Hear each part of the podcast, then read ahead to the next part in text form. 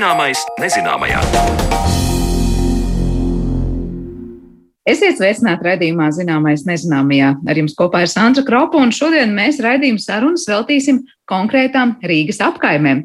Vairāku nozaru zinātnieki nākuši kopā, lai pētītu dzīvi Daugavas leitecē Rīgas apkaimēs. Par to visu plašāk stundas otrajā pusē, bet līdz tam parunāsim par laiku, kad Rīga bija tā laika silīcija ielai, par fabrikām 19. un 20. gadsimta mijām Rīgā mēs parunāsim jau pavisam drīz.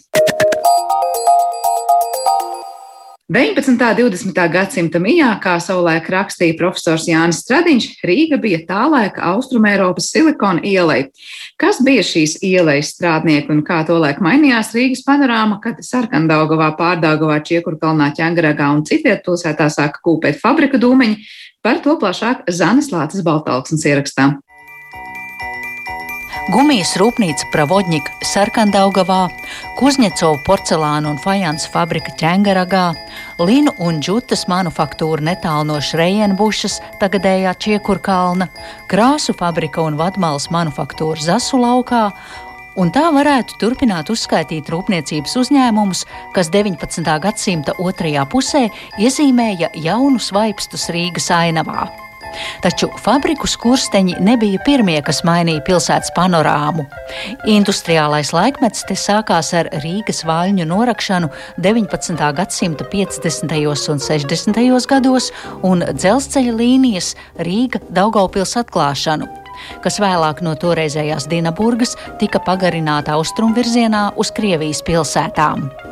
Par to telefoniski ierakstītā sarunā stāsta vēsturnieks, Latvijas Nacionālās bibliotēkas, Letonikas un Baltijas centra vadītāja vietnieks Mārtiņš Mintaurs.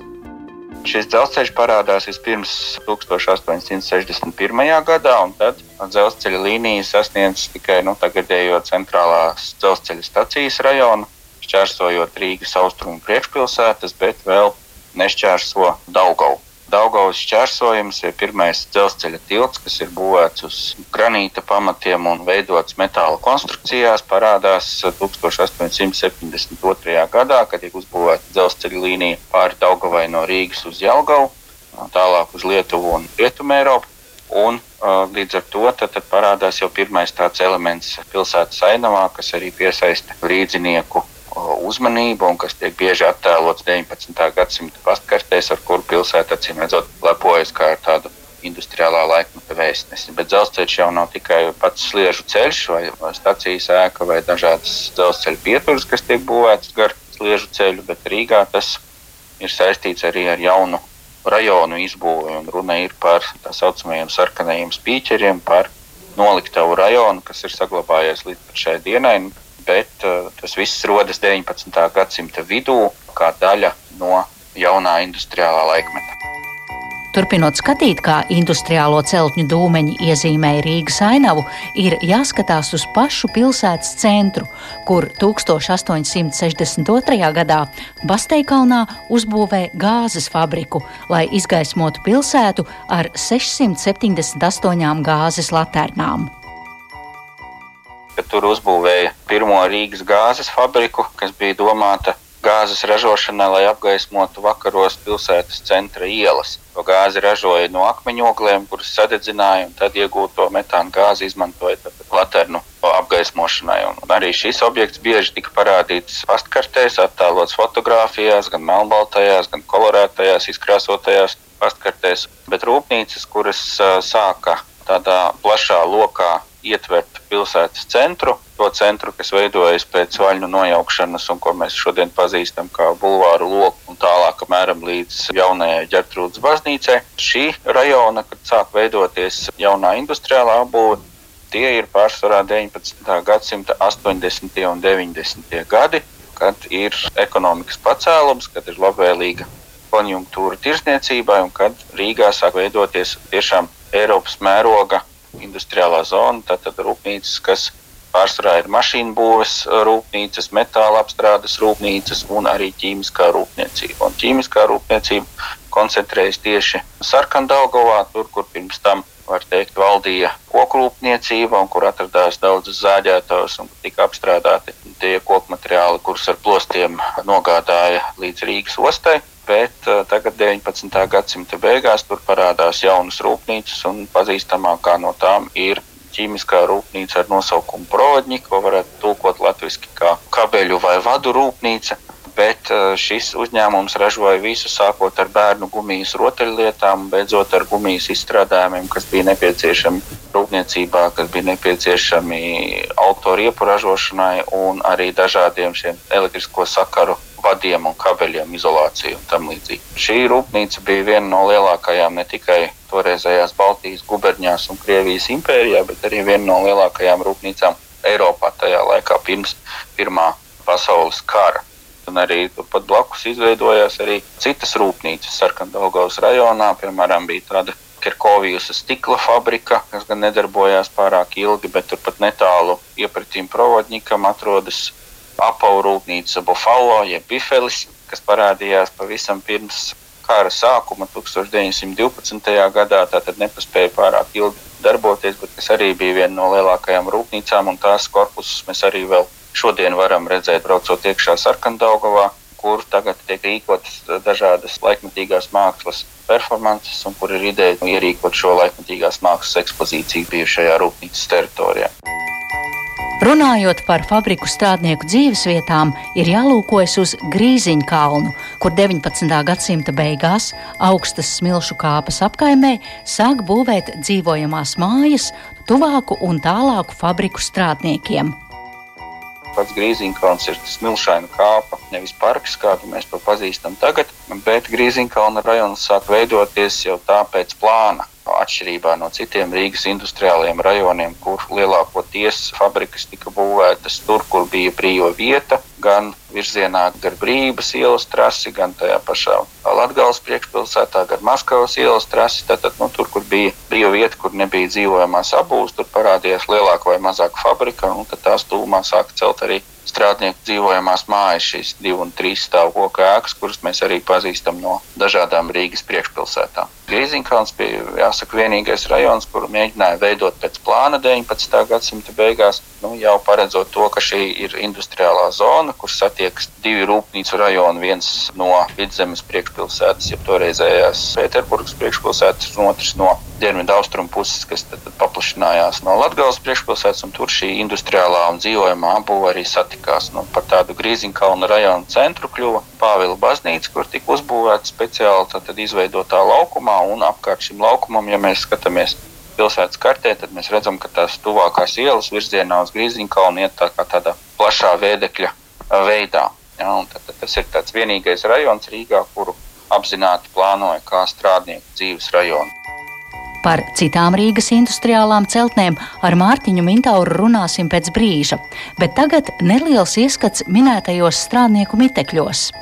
Par darba spēka ieplūšanu un dzīvi Rīgā attālināti ierakstītā sarunā stāsta Latvijas Nacionālā arhīva vadošā pētniece Anita Čerpīnska tā ieplūšana jau arī notiek tā, jo redziet, laukos jau ar tos cilvēkus, kamēr vajadzēja, tāpēc jau arī dzimbūšanas likumos bija ļoti stingri nodefinēts, ka šie cilvēki nedrīkst pamest lauksaimniecību, jo tos cilvēkus jau vajadzēja arī laukos, un viss no tā arī diezgan baidījās, kas būs pēc tam, kad palaidīs dzimbūšanā cilvēkus vaļā nu, ko tie cilvēki tādā ziņā darīs, bet tikmēr, kamēr viņiem bija šis darbs laukos tāds, ka viņi varēja strādāt, nebija jau tā, ka viņi uzreiz pirmā doma, kas iešāvās zemniekam galvā, došos uz Rīgu vai ne. Tie visi ekonomiskie un sadzīviskie apstākļi, viņi jau uzformēja to sabiedrības slāni, kurš arī devās uz to Rīgu tieši tāpēc, ka laukos darba spēka palika pa daudz,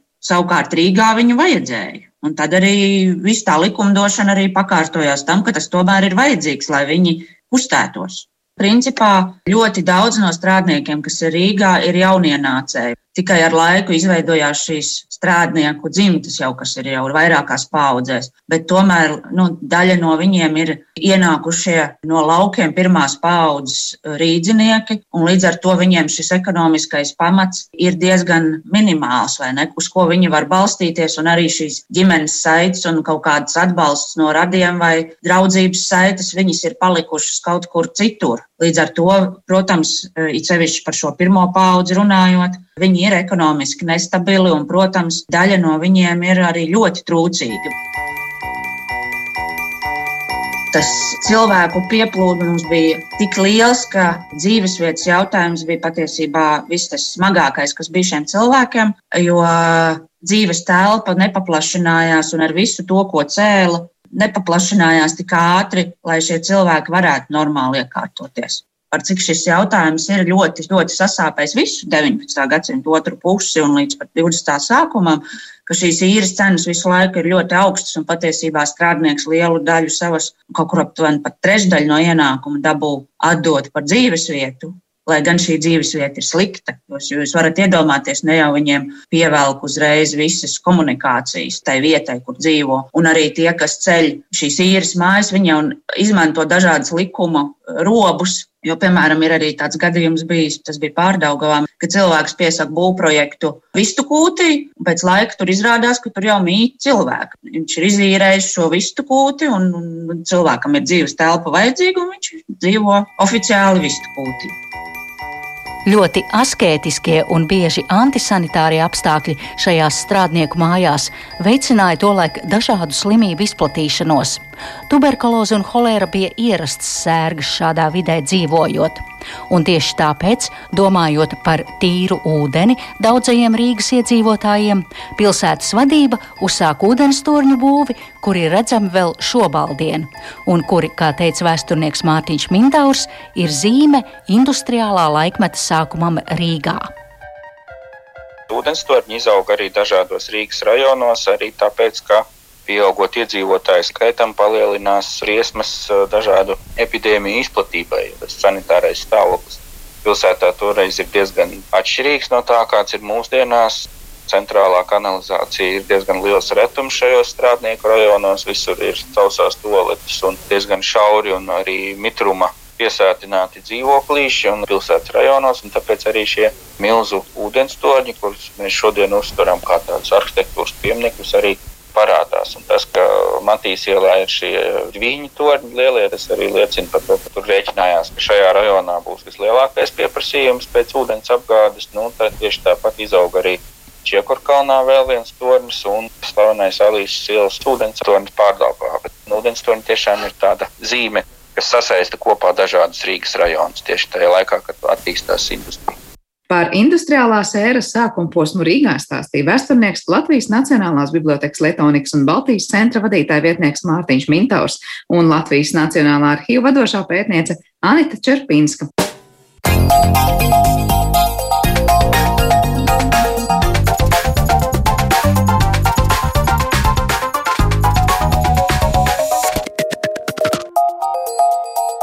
Zināmais nezināmajā. Ostas apkaimes iemītnieku dzīves ik pa laikam nonāk sabiedriskajā dienas kārtībā, visbiežāk izskatot iedzīvotāju sūdzības par gaisa kvalitātes sliktu smaku vai tam līdzīgiem traucēkļiem. Dzīve Daugavas leitecē Rīgas apkaimēs ir nemitīga līdzās pastāvēšana ļoti industriālai videi un cilvēku dzīvesveids šajās specifiskajās vidēs ir saistījis arī pētnieku uzmanību. Kādus stāstus par kopienas dzīvi pie ostas varam saklausīt un vai pilsētas ekonomisko aktivitāti var apvienot ar cilvēku labklājību un drošu dzīvesvidi. Par to šodien mēs vairāk runāsim ar mūsu sarunas biedriem Latvijas Universitātes Literatūras, Folkloras un Mākslas institūta zinātniekiem Daci Bulu un Jānu Daugavieti. Labdien! Labdien! Labdien. Vispirms vaicāšu jums par pašu projektu un pētījumu, kas ir eh, noticis. Es saprotu, diezgan tāda nu, jauna lieta. Ir pētīta, proti, cilvēki un viņu dzīves, ja tā var teikt, kuri dzīvo nu, tur Bolderājā, Mangaļsalā, Kundziņa salā, nu, visas šīs teritorijas, kas ir Daugavas leitec, ļoti tuvu Rīgai, bet tajā pašā ļoti tuvu dabai un daugavai un ūdenim un mežiem. Jautājums, kas tieši tika pētīts? Varbūt Dārts sākšu vispirms ar jums. Jā, mēs mēģinājām uh, iegūt tādu diezgan pilnīgu skatījumu uz to, kā cilvēks apdzīvo konkrētu vietu, kādu stāstu viņš stāsta par savām attiecībām ar šo vietu, kādas ir viņa vides vērtības, kādas ir viņa vēlmes attiecībā uz vidas kvalitāti.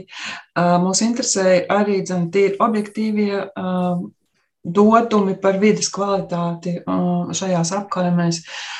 Mūs interesē arī dzen, Tas, ko jūs jau minējāt, ievadā, tas cilvēku aktīvisms, jo uh, ir skaidrs, ka uh, dzīvošana šajās apkaimēs, mūsu gadījumā tās ir piecas apkaimes, uh, Baudarāja, Daugaugrība, kreisajā krastā un Mangais salā, Kundzītas salā, Vecmiegrās labajā krastā.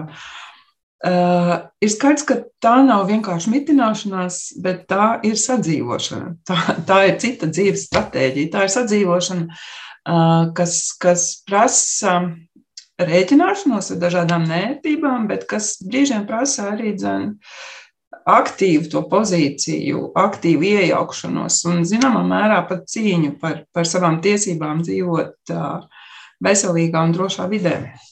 Par to, kā notika pats pētījums, varbūt Jānis, jūs varat papildināt un paturpināt šo domu. Tas ir kaut kādas aptaujas, tas ir došanās pie cilvēkiem un sarunāšanās. Viņam, protams, tāds antropoloģisks ļoti pētījums, vai, vai ko jūs īsti skatījāties? Pētnieku grupā mēs esam pieci, seši. Nu, kā skatās pētnieki no, no salīdzinoši dažādām nozarēm.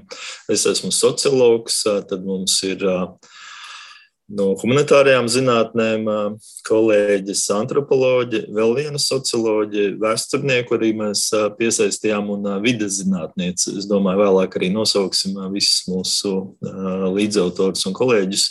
Tātad nu, vairāk vai mazāk katrs pētnieks savas metodas izmantoja, kas viņa disciplīnā pieņemts. Piemēram, es kā sociologs pamatā mēs koncentrējāmies uz iedzīvotāju aptauju, kamēr kolēģi no humanitārajām zinātnēm vairāk izmanto kvalitatīvās metodes, daudz jau minēja dzīves stāstus. Intervijas, protams, intervijas viena no galvenajām metodēm, un novērojums, ja līdzdalības novērojums vai līdzdalīgais novērojums, tas vairāk tāds antropologu lauciņš, bet ne tikai, protams, tātad pētnieks iet kopienā iekšā, mēģina novērot, varbūt pat piedalīties kādos pasākumos, talkās, piemēram, ja, vai aktīvistu sapulcēs.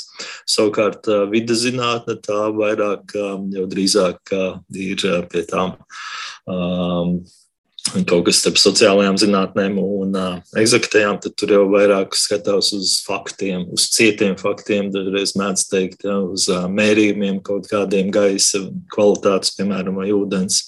Tā kā mēģinājām, nu, cik mēs varējām skatīties no savām disciplīnām. Protams, visu mēs nevarējām pārklāt. Ekonomisti mūsu vidū nebija sabiedrības veselības speciālisti, kas noteikti noderētu, bet nu, cik varējām, tik mēs mēģinājām aptvert. Bet kādi ir tie konkrētie jautājumi, uz kuriem nu, jūs vairāk fokusējāties? Es iedomājos, ja tas ir novērojums, nu, tad eh, ko tieši jūs mēģinājāt saprast ar novērojumu palīdzību, vai ko tieši jūs anketās mēģinājāt saprast, nu, ko cilvēki domā, vai kā viņi dzīvo, kas bija tās konkrētās lietas? Eh, tā bija tiešām, kā Jānis jau minēja, tā bija iespēja eh, skatīties, eh, vērot, kā veidojas dialogs starp dažādām pusēm, kas ir iesaistīts vidus kultūras veidošanā. Daugaus lētecē tas bija, piemēram, iedzīvotāju tikšanās ar brīvostas pārstāvjiem, vai brīvos pārstāvjiem vidas dienestu un, un vēl citām institūcijām, kad bija samilzuši kaut kādi vidas kvalitātes piesārņojumi vai, vai, eh, vai ikdienas dzīves traucējumi. Eh, tās bija arī dzēna piedalīšanās, atsevišķas piedalīšanās talkās, kas notika apkaimēs, lai vērotu, kā, kā veidojas, kā pastāv, kā dzīvo tieši kopiena. Uh, kas ir, kas ir tie notikumi, kas viņus organizē eh, kopīgam darbam un eh, kā tas norisinās. Eh, mēs piedalījāmies arī tādās notikumos, kas notiek kopienas iekšienē, piemēram, biedrību sanāksmēs, lai, lai saprastu, kādi ir tie jautājumi, kā šie jautājumi tiek risināti, kāda ir tā um, apkaimes aktīvismu praksme, prakse, caur kādiem, caur kādiem pasākumiem tā tiek uh, risināta un notiek. Un, uh, bija arī dzen, tādi, tādi uh, nu, novērojam, mēs varam teikt, ka mēs izmantojam arī pastaigas metodi, ko, ko izmanto cilvēku geogrāfijā un geogrāfijā vispār. Mēs paši daudz staigājām pa apkaimēm, lai iegūtu to konkrēto bija fiziskās telpas pieredze vai fiziskās telpas izjūtas. Izjūtu mēs nogājām gan visā garumā ostas, gar ostas žogu, kas ir katrā apkaimē diezgan būtisks telpas elements. Un, bija arī tāds, tā, tāda metode, ka daži no mums centās katrā apkaimē vismaz vienu nakti pārnakšņot, lai izjustu to, ko nozīmē nevis tur ierasties ierasties kā viesim, kā pētniekam, bet patiešām aiziet gulēt un pamosties šajā, šajā vidē un saprast, kā to redz cilvēki, kas tur ikdienā dzīvo.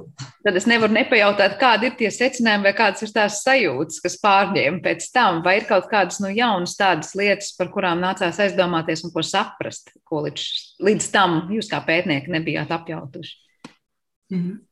Es varbūt tā, tādu pavisam personīgu pieredzi, sākšu ar to. Es esmu uzaugusi Ilģu ciemā, Ilģu ciemā un Dzirciemā uz robežas, kas ir praktiski robežojās ar Daugovu, bet tikai tagad, veicot šo pētījumu, es apjēdzu, ka Rīgas brīvostas teritorija, kas ir nožogota principā visā, gar, visā garumā, abos Daugavas krastos sākās apmēram no Vanča tilta un līdz, līdz jūrai ir žoks abās pusēs. Tas nozīmē, ka divas trešdaļas no Daugavas, kas atrodas Rīgā, tātad, ir nožogot un nav pieejama. Un to es tikai tagad sapratu kārtīgi, ka tas tā ir, ka rīdziniekiem principā ir Daugava atņemta nu, par divām trešdaļām. Tu, tu saprati arī to, ka tu pats esi īstenībā dzīvojis pie Daugavas abuna. Atcerot kādu vēl secinājumu personīgi, kādas pārdomas, kas pārņēma jūs? Nu, tie bija diezgan daudzi, daudzi atklājumi, un viens no tiem atklājumiem bija arī tā emocionalitāte, kāda pastāv starp cilvēku un, un viņa vietu, cik ļoti cilvēka, cilvēks ir ķermeniski iesaistīts savā apkaimē. Un cik maldīgi ir iedomāties, ka šī e, saikne, dabiskā saikne vai ķermeniskā, tīra fiziskā saikne ar vietu, ka tā ir svarīga tikai augiem, augu sugām vai dzīvniekiem, lielajiem tīriem, piemēram, vai jumstiņu gladiolai. Un, un, un domāt, ka cilvēkiem tā ir mazāk svarīgi. Ļoti, tā kā es pat vairāk nodarbojos ar, ar vides stāstu pētniecību, tad es ļoti bieži saskāros ar to, kā cilvēki, kuri padzīvojuši kaut kur citur, citviet, savas, savas ierastās vidas, citās apkaimēs, ka viņiem Cik ļoti viņiem pietrūkst kaut kādu to fizisko sajūtu, kas ir piederējuši pie viņas ikdienas rutīnas. Piemēram, viena sieviete, kur bija dzīvojusi ārpus Mankaisalas kādu laiku, viņa teica, ka viņa nav varējusi fiziski izturēt to, ka viņa nedzird kājas no rītiem, ka viņai šo kāju kliedzienu, ko viņai pietrūkst, ka viņa nejūtas mājās, ka, un ka tas viņu padarīs gandrīz vai slimu. Tā kā šī cilvēku ļoti emocionāla ķermeniskā saikne ar, ar savu vidi. Un īstenībā tas ir tas arī, par ko runā mūsdienu vidas cilvēku zinātne, kas mēģina kā, cilvēku nolikt atpakaļ viņa vietā, viņa vidē, viņa telpiskajā esībā un viņa saiknēs ar, ar, ar dažādiem telpas objektiem, ar citām dzīvajām sugām.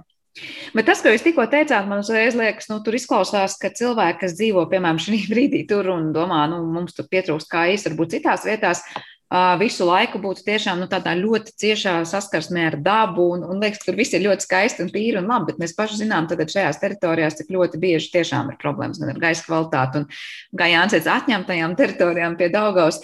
Kā paši cilvēki uztver to savu dzīves telpu, tur vairāk kā tādu mums ir iespēja būt tur, kur dzird, kā, dzirdam kājas, Un tā kā tā daba ir tuvāk, vai tieši otrādi, ka mums ir tā vieta, kura mums ir atņemta no dabas, jo tur tagad ir industrializācija, un mēs īsti neda, nevaram baudīt tik ļoti tos dabas labumus.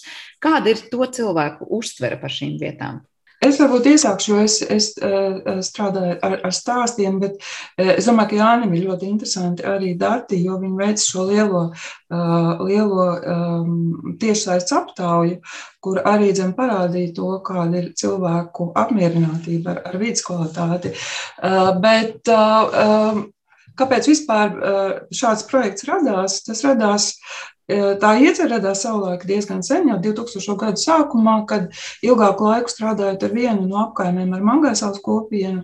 2005. gadā nebija iespējams nepamanīt, ka um, ir mainījies cilvēku stāstījumu repertuārs un ka pēkšņi priekšplānā ir nonākuši tas, ko es tagad saucu par ekolikstu stāstiem, jo uh, tas notika brīdī, kad bija mm, paplašinājušās ostas robežas, kad pāri upei, pāri audas upei, kas ir pārsimts kilometru attālumā no apdzīvotās vietas bija uzcelta minerālu mēslu termināli. Kad cilvēki bija um, piedzīvojuši piesārņojumu, Un, un daži īpašumi bija zaudējuši pieeju upei, tāpēc ka ostas robeža tika noteikti citur. Un redzot to, cik ļoti, tagad, cik ļoti svarīgi cilvēkiem runāt bez īpašu pētnieku pamudināšanas tieši par šiem jautājumiem, tas zināmā mērā raisīja interesi, un, un tā interese tagad nonāca līdz tika pārmantot un, un beidzot tika realizēta šajā te pētījumā par to, jā, kā cilvēki uztver vidas kvalitāti un kā cilvēki uztver un kā viņi tiek galā ar kaut kādām negribētām pārmaiņām un ko viņi par to stāsta. Un uh, uh, ekolikstu stāsti, tas ir, ir viena no tēmām, ar, par kurām es arī rakstu. Um, to ir daudz, un tie saistās ar dažādiem piesārņojuma veidiem, Ar, uh, ar, tur ir dažādi motīvi, melnās palodzes, melnie kaķi, uh, melnais sniegs. Uh, tur ir stāsti par, par smakām. Tas ir arī atkarīgs, protams, no vietas. Vecmīlgraus ir tas, kurš vairāk cieši no smaku piesārņojuma. Pat ir gadījumi tādi, kad ir, ir, ir uz laiku jāizbrauc padzīvot pie radiem, jo, jo ir ne, nu, neāpojams gaiss tāds, ka nevar atvērt, atvērt mājās logus. Um, tur, protams, ir bijuši arī lielāka, lielāka mēroga tiešām vidēji un cilvēku dzīvībai bīstamas situācijas, kā 2009. gadā šīs ķīmiskās vielas noplūda Kundziņsalā, kad cilvēki tika evakuēti Tā kā jā, cilvēki ļoti mīl šīs vietas, viņiem ir ļoti izteikta vietas piesaiste. Vienlaikus, jā, tas svaru kausos vienmēr ir tas, ka šī vēlēšanās palikt bieži vien paudzēs mantotajā mājvietā, un tas, ka ik pa brīdim nākas, nākas ciest no kāda, kāda kaitējuma videi. Tas tad ir neatņemama sastāvdaļa šo cilvēku dzīves telpā. Jā, nu, tur laikam bija interesanti dati par to vidas kvalitāti un to, cik apmierināti un neapmierināti cilvēki ar to ir un ko viņi tur saskata un par ko ziņo vai neziņo. Kādi tur ir tie secinājumi? Uh, viens no lielajiem tematiem, ko mēs iedzīvotāju aptaujā jautājām, ir, kā jūs vērtējat savas dzīves vietas ekoloģisko kvalitāti, gaisu, ūdens, piesārņojumu vai tīrību un tā tālāk. Un tas atslēgas vārds bija satraukums. Tātad, cik ļoti jūs satrauc tas vai tas aspekts, un tie rezultāti diezgan tādi, tādi šērpi, es teiktu, dažos gadījumos vidas, ūdens piesārņojumā, gaisa piesārņojuma ziņā smak, smakās un, un vibrācijās, piemēram, tur aiziet līdz 90%. Tātad iedzīvotāji saka, ka viņi ir satraukti par šādām lietām. Un tas, protams, mūs mazliet bažīgus darīja, jo tik liels procents tomēr, un tad mēs salīdzinājām mūsu aptaujas datus ar Rīgas domas veiktajām aptaujām. Rīgas doma regulāri aptaujā iedzīvotājus, un, un Rīgas domas aptauju mēs sadalījām pie ostas apkaimju iedzīvotājos un pārējos iedzīvotājos un salīdzinājām. Un tur principā apstiprinājās šis eh, pats, ka tie iedzīvotāji, kas dzīvo apkaimēs pie Rīgas brīvostas, ir nu, daudz, daudz satrauktāki par dažādiem vidas aspektiem, vidas kvalitātes. Un, bet, ja mēs paskatāmies šīm piecām apkaimēm, Bolderā, Daugavgrīvu, Kundziņu, Salmangai, Salu vecmilgrāvs, tad varbūt izņemot vecmilgrāvu, pārējās ir diezgan līdzīgas tajā ziņā, ka tur ir lielas un samērā daudzveidīgas dabas teritorijas, pļavas, meži, Daugava, nu, slēgta gan pārsvarā, bet nu, tomēr uh, buļļupe, pieeja pie jūras un, protams, osta. Tātad šīs tās divas puses ja, ļoti industriāli, arī kā, kā iedzīvotāji paši saka un vērtē piesārņojoša industriālā vide viņu apkaimē vai pavisam blakus un, un dabas resursi. Uh, Un, jā, un tas ir tas jautājums, ko pēc tam mēs visu laiku arī sev uzdevām, un arī cilvēkiem, nu, kāpēc jūs tomēr paliekat dzīvot šajās apkaimēs, ja kas ir tik piesārņojošas. Nu, tā viena atbilde ir, protams, tie dabas resursi, bet uh, arī mēs pēc tam skatījāmies, kas notiek ar migrāciju. Rīgā. Tāda pētījuma ir demogrāfi to daudz ir pētījuši un arī prognozējuši. Un mēs redzam, ka varētu dalīt trīs grupās šo apgājumu iedzīvotājus. Tā tad viena liela grupa, kas paliek, neskatoties ne uz ko, un droši vien tur ir, kā jau Dārts minēja, piesaisti pie dzimtas īpašuma, pie mājas, pie, pie dzimtā pagalma, un nu, neskatoties ne uz ko cilvēki grib palikt. Tad otra, otra tāda iedzīvotāja grupa visdrīzāk ir tāda, kas šajās apkaimēs ir nokļuvuši tāpēc, ka tur ir nu, lētākās mājvietas, lētākā, zemākā īre. Un vienkārši nu, viņiem varbūt nav citas iespējas, kur dzīvot. Kamēr trešā daļa ir tāda, kas nokļūst šajās apkaimēs un diezgan ātri pazūd. Un to var redzēt arī, piemēram, skatoties uz Rīgas sarukšanu, tad dažas no šīm mūsu piecām apkaimēm ir tās, kas ir visvairāk sarukušas pēdējos piecos gados. Jā. Ko tas liek domāt par kaut kādu tuvāko, varbūt nākotni, vai jūs saredzat, ka tur ļoti izteikti nu, tā, tā grupa, kas tur ir pieķērusies, joprojām būs pieķērusies un paliks tur, un, un nekādi vidas problēmas jautājumi, var teikt, nu, nemotivēs šos cilvēkus tomēr domāt par citām vietām. Vai jūs saredzat, ka tās kļūs arvien tukšākas un arvien sarukušākas? Cik optimistiski, pesimistiski jūs esat noskaņots šajā visā? Dārts, varbūt sākšu ar jums. Uh, nu jā, uh, nepratīšu laikam nodarboties ar pareģošanu, bet uh, ir tā, ka visās šajās apkaimēs tomēr valda diezgan liels tas lokāla patriotisms un tā, tā saikne, saikne ar, ar, ar vietu. Protams, ir vērojams arī dzen, pozitīvas tendences iedzīvotāju apkaimju un ostas attiecībās, jo Tieši pēdējā laikā, mainoties arī ostas vadībai, ir sācies dialogs starp apkaimēm un ostu, kas agrāk nebija domājams. Uh, Um, iedzīvotāji tiek uzklausīti, šie ekobriesmu stāsti. Uh, mēs esam intervējuši arī ostas pārstāvis, viņiem ir zināmi. Tik daudz kā risinājums vienmēr nav iespējams, tāpēc, ka ir kaut kādas pastāvošās normas, uh, ir izsniegts atļaujas par piesārņojošu darbību, kas, kas ir saistīts ar, likuma normām, kādas tās ir Latvijā, un uh, kas, kas arī dzen, tāpēc nav noregulējums. Mēs esam bijuši arī atsliecinieki tiešām vairākās tādās, tādās tikšanās reizēs, kad iedzīvotājiem ir iespēja izteikt savu neapmierinātību un ka osta cenšas meklēt risinājumu. Ostas pārstāvji arī ir mums apgalvojuši, ka apmēram 80% gadījumu uh, izdodas, izdodas risināt šīs lietas, jo ļoti bieži ir bijusi, bijuši neapmierinātība ar ostas darbību naktīs, kad cilvēki nevar gulēt.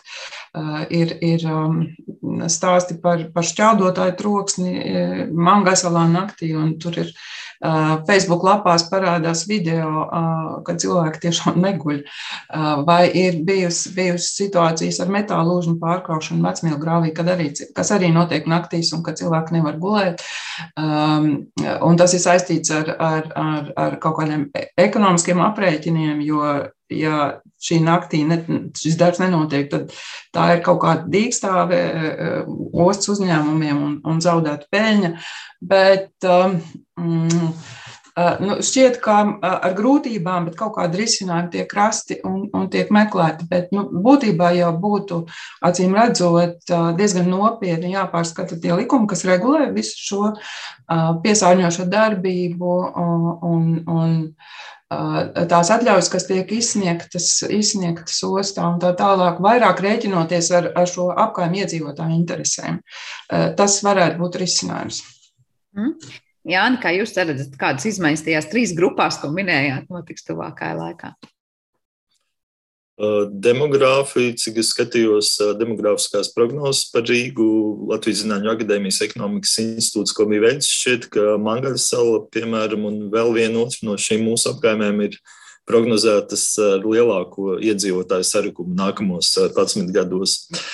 Kā būs īstenībā, to, to redzēsim, bet, nu, piemēram, ja mēs paskatāmies uz Daugavu grīvu, 15, 20 minūtes līdz jūrai. Nu, kur Rīgā var tādu, tādu apgājumu atrast, kur dzīvot vēl. Balderā jau mazliet tālāk, bet nu, Balderā ir Balder, uh, buļļupa, piemēram, man, par Mangaļu salu arī līdzīgs stāsts. Ja. Tā kā ļoti potenciāli pievilcīgs uh, dzīves, dzīves rajons, dzīves vieta, bet jā, osta, nu, jā, vien, visu laiku mēs atgriežamies pie šīs ostas, un um, nu, tā ir sadarbība ar ostu vai cīnīšanās pret ostu. Un, uh, vien, viens no lielajiem tematiem, ko pētīja uh, mūsu kolēģi Agita Pusvilka, antropoloģi, bija šis iedzīvotāju aktīvisms, kā iedzīvotāji organizējās, um, cīnās vai sadarbojās ar ostu. Es domāju, mūsu sabiedrība arī rīznieki kļūst ar vien apzinātāki arvien pilsoniskākie, mēs varbūt arvien drīzāk sagaidīsim, ka mēs kļūstam par pilsonisku sabiedrību. Tas, protams, tik ātri nenotiek, tur jāpieiet gadu desmit gadiem. Es vienmēr atceros vācu sociologa Ralfa Dorendorfa, arī politiķa Darendorfa teikto, ka politisko, ne ekonomisko, jā, no sākuma ar politisko, politisko režīmu var mainīt trīs mēnešos. Uh, ekonomisko režīmu, ekonomisko sistēmu var pārbūvēt trīs gados, bet, lai uzbūvētu uh, pilsonisku sabiedrību, nepieciešami 30 gadi vai 60 gadi. Laikam bija 60 gadi drīzāk. Tā kā nu, pusē mēs esam. Vēl pēc 30 gadiem, es domāju, mūsu pilsoniskā sabiedrība būs jau diezgan labi nobriedusi un, un uh, nevarēs vairs darīt tā, ka kādu lielu uzņēmumu korporācijas diktē visu, un iedzīvotājiem vispār nav nekāda teikšana. Bet līdzīgi kā jūs teicāt, Dārts, par to sadarbību un sarunām un dialogu ar ostu, kas šobrīd nu, kļūst varbūt aktuālāks un, un, un aktīvāks, vai jūs saredzat, ka kaut kāda līdzīga aktivitāte varētu būt sadarbībā ar pašvaldību, vai kā jūs vērtējat to iedzīvotājus dialogu ar Rīgas pašvaldību? Uh, jā, iedzīvotājiem ir pretenzijas gan pret ostu, gan pret Rīgas pašvaldību, jo uh, daļa no šīm apkaimēm ir neliela iedzīvotāju sastāvā, un viņām pašām šķiet, ka, šī, ka, ka, ka tas nav potenciāls elektorāts, un tādēļ uh, viņi neizpelnās to vērību pret saviem tiem sasāpējušiem jautājumiem, kādu būtu pelnījuši. Tas ir sevišķi attiecas uz Mankaisalu, kurā ir tūkstoši iedzīvotāju vairāk pat, nedaudz vairāk par tūkstotu iedzīvotāju, kur uh, ir nesakārtot ūdens saimniecība, uh, kur ir nesakārtota um, transporta struktūra, kur ir tikai viena galvenā iela, pa kuru braukā ostas transports, uh, kur nav trotuāra un cilvēkiem būtībā arī, it sevišķi tumšā laikā, tur pat ir bīstam atrasties uz ielas, bet tā ir vienīgā iela, pa kur var uh, Mangaisalā pārvietoties. Uh, Eh, ir tā, ka, ka tas, tas, tas bija viens no svarīgiem impulsiem šo attiecību savstarpējā risināšanā patiesībā nācis no Rīgas pašvaldības, jo 2018. Eh, gadā notika Rīgas arhitekta biroja rīkot konference, tā sauktā Šmēlīna konference Rīznieks un Osta, un tas bija tāds pirmais lielais fórums, kurā tika savērts kopā visas interesētās puses Rīgas brīvost, Rīgas pašvaldības iestādes un arī kopien, kopien iedzīvotāji. Tā kā arī pašvaldības interesēs ir kaut kādā veidā šos jautājumus risināt. Ja mēs pavērojam Rīgas attīstības stratēģiju līdz 30. gadam, tad tur kā prioritāras vietas ir iezīmētas tieši šīs pieostas apkārtnes, apzinoties to, ka šīm apkārtnēm ir zināms sloks no, no ostas darbības, un ka tādēļ būtu kaut kādā veidā risinām publiskās ārtelpas jautājumu šajās apkaimēs. Un vēl, es, es domāju, ka tajā nākotnes scenārijā noteikti būtisks, būtisks lielums arī varētu būt uh, ostas darbības sarukums, jo mēs redzam, ka osta pats savās tajās nākotnes prognozēs uh, ir iezīmējusi, ka optimiskais scenārijs būs tāds, ka tuvākajā laikā viņas darbības apjoms samazināsies, ka, ka paliks tikai divas trešdaļas no pašreizējā apjoma. Pesimistiskās prognozes ir vēl sliktākas. Es domāju, ka pie šādiem nosacījumiem visiem nāktos domāt par to, ko iesākt ar milzīgām ostas teritorijām, no kurām liela daļa nav izmantotas, te pašā laikā viņas nav pieejamas arī iedzīvotājiem. Un kad, es domāju, ka viena daļa no šīm teritorijām noteikti būtu potenciāls, kur varētu attīstīties turisms un rekreācija, ja tās nebūtu vienkārši ar, ar žogu nožogots un, un nestāvēt tukšas. Tā kā es domāju, ka tajā, tajā nākotnes ainā tur ir pamats arī kaut, kādam, kaut kādiem pozitīviem scenārijiem. Jā, patiešām interesanti, ko nākotnē mums vēstīs par šīm teritorijām, jo tiešām izklausās, ka tās ir tās vietas, kuras vēl tikai gaida savus, var teikt, nu, zvaigžņu stundu tajā, kā var teikt, attīstīts un integrētas pilsētu vidē. Bet noslēdzot šo sarunu, vai tā ir tiesa, ka nu, līdz ar jūsu šādu pētījumu mēs varam teikt, ka Latvijā piesaka sevi tāds jauns pētniecības virziens, kā, nezinu, vides cilvēka zinātne, par ko jūs te mazliet raidījuma sākumā runājāt, un tas ir tāds, nu, viens no pirmajiem soļiem, kas ir spērts vispār šajā lauciņā. Mm -hmm. uh, jā, uh, es gribēju teikt, ka cilvēka attiecības ar vidi ir uh, pētītas jau labu laiku. Viņas ir pētītas dažādos zinātnīs virzienos. Mēs zinām, ka pastāv vidas socioloģija, pastāv vidas vēsture, vidas mutvārdu vēsture, vidas antropoloģija. Uh, un, un, un šie virzieni datējumi jau ar pagājušā gadsimta vidu, ar pagājušā gadsimta otro pusi.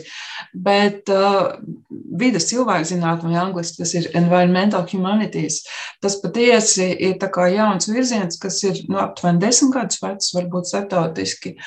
Uh, uh, Latvijā tas ir vēl jaunāks, bet es arī gribu teikt, ka uh, cilvēka un vidas attiecības Latvijā ir pētītas jau iepriekš ir bijuši dažādi pētījumi, kas tiem pievērsušies.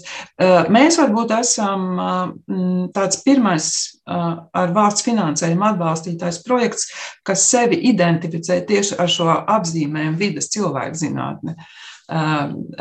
Tas varētu būt jā, precīzāk. Jā, Anni, varbūt lūkšu vēl precizēt to, ar ko atšķiras tas, ko tikko Dārts teica, nu, kad cilvēka attiecības ar vidi ir pētītas un dažādās varbūt disciplīnās, bet ko tieši specifiski vides cilvēka zinātne var mums no kura aspekta parādīt atšķirībā no tām citām disciplīnām? Domāju, ka viens no tiem, viena no pievienotajām vērtībām šai pieejai, šai jaunajai disciplīnai ir interstarpdisciplinaritāte. Latvijas tā tad uh, kur vienu pētījumu teorētiski vai empiriski veids dažādu, dažādu nozaru pētnieku, ne tikai no humanitārajām zinātnēm, bet arī no sociāl, sociālajām un arī, arī dabas eksaktajām. Es domāju, tas ir kārtīgi pievienotā vērtība, un īstenībā mūsdienu zinātnē arī tajā virzienā iet, sakot, ka nu, mēs, mēs nevaram atsevišķi un kaut kā nodalīt, pētīt dažādas jomas, jo uh, it īpaši, kur, kur tiek skarts cilvēks, jo cilvēks ir gan uh, sociāla būtne, gan, uh, gan dabiska, ja, pakļauta dabas likumiem. Un uh, ir jāsanāk zinātniekiem kopā. Es, starp citu, biju diezgan pārsteigts, ka Latvijā līdz šim un joprojām uh, vidas socioloģija diezgan maz ir attīstīta, ir ļoti maz pētījumu bijuši. Un, Cīm redzot, arī mēs kā zinātnieki, sociologi šajā gadījumā vēl nebijām nobrieduši tikt līdz tik svarīgam tematam. Es ceru, ka šajā brīdī jūs, kā zinātnieki, arvien vairāk esat nobrieduši, un mums tiešām būs gan interesanti pētījumi arī tuvākā nākotnē, kur skatīties gan par šīm, gan citām apkaimēm. Bet tas, kā jūs teicāt, tā starpdisciplinaritāte tiešām sev piesaka liekas visās zinātnēs, un tā ir tiešām iespēja kā uz tādu dimantu paskatīties no dažādām šķautnēm un ieraudzīt katrā kaut ko, kas izgaismo atkal to kopainu un pavisam citā varbūt gaismā. Šajā reizē es teikšu jums abiem lielu paldies par ieskatu tajā, kāds bija jūs šīs pētījumus un tiešām ne tikai ieskatu pētījumā, bet šo konkrēto cilvēku, šo apkārtņu cilvēku dzīvēs un tajās nu, tiešām izaicinājumiem bagātās situācijās, ar kurām viņi sastopas. Un klausītājiem atgādināšu, ka šajā raidījuma pusstundā bijām kopā ar Latvijas Universitātes literatūras, folkloras un mākslas institūta zinātniekiem Dats Bulu un Jānu Daugavieti. Paldies arī jums par klausīšanos, un šo raidījumu producēja Paula Gulbīnska, par mūziku parūpējās Girds Bišs, bet ar jums kopā bija Sandra Kropa. Uz tikšanos!